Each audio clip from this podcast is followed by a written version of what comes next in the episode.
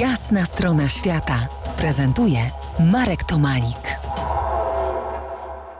Po jasnej stronie świata Grzegorz Kapla, dziennikarz, pisarz, podróżnik, autor wielu książek. Dziś rozmawiamy o najnowszej książce Grzegorza Mekong przed końcem świata. Na zakończenie mm, troszkę takiej wiwisekcji może, o ile się zgodzisz. Piszesz, że jesteśmy gatunkiem wędrownym, ale uświadamiasz sobie, tutaj cytat, dziś myślę sobie, że jest coś nie tak z takimi jak ja. Co jest nie tak? Jak to sam Exupéry napisał, że ludzie e, to taki dziwny gatunek wiatr nimi miota, nie mają korzeni.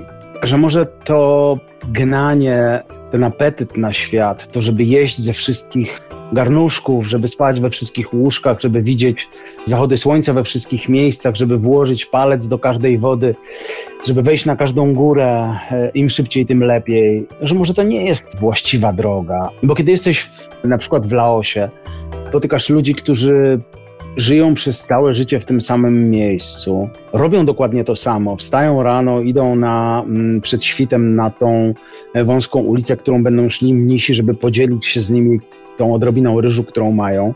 Albo kiedy spotykasz Wietnamczyków i oni mówią ci, że najlepiej dla człowieka jest, żeby y, miał grup w tym samym miejscu, w którym się urodził, bo to jest dobrze, przodkowie się wtedy cieszą, to myślisz sobie, że ta nasza, mm, że ten nasz apetyt może nie jest, znaczy uświadamiasz sobie, że nie jest jedynym sposobem życia, tak, że, że to instagramowe szaleństwo pokazywania siebie coraz to różnych lokalizacjach może jest właśnie szaleństwem, a, a rację mają ci, którzy od tysiąca lat żyją tak, jak żyli ich przodkowie. Nie wiem. Ja też nie wiem, ale jest mi po drodze z tym, co powiedziałeś.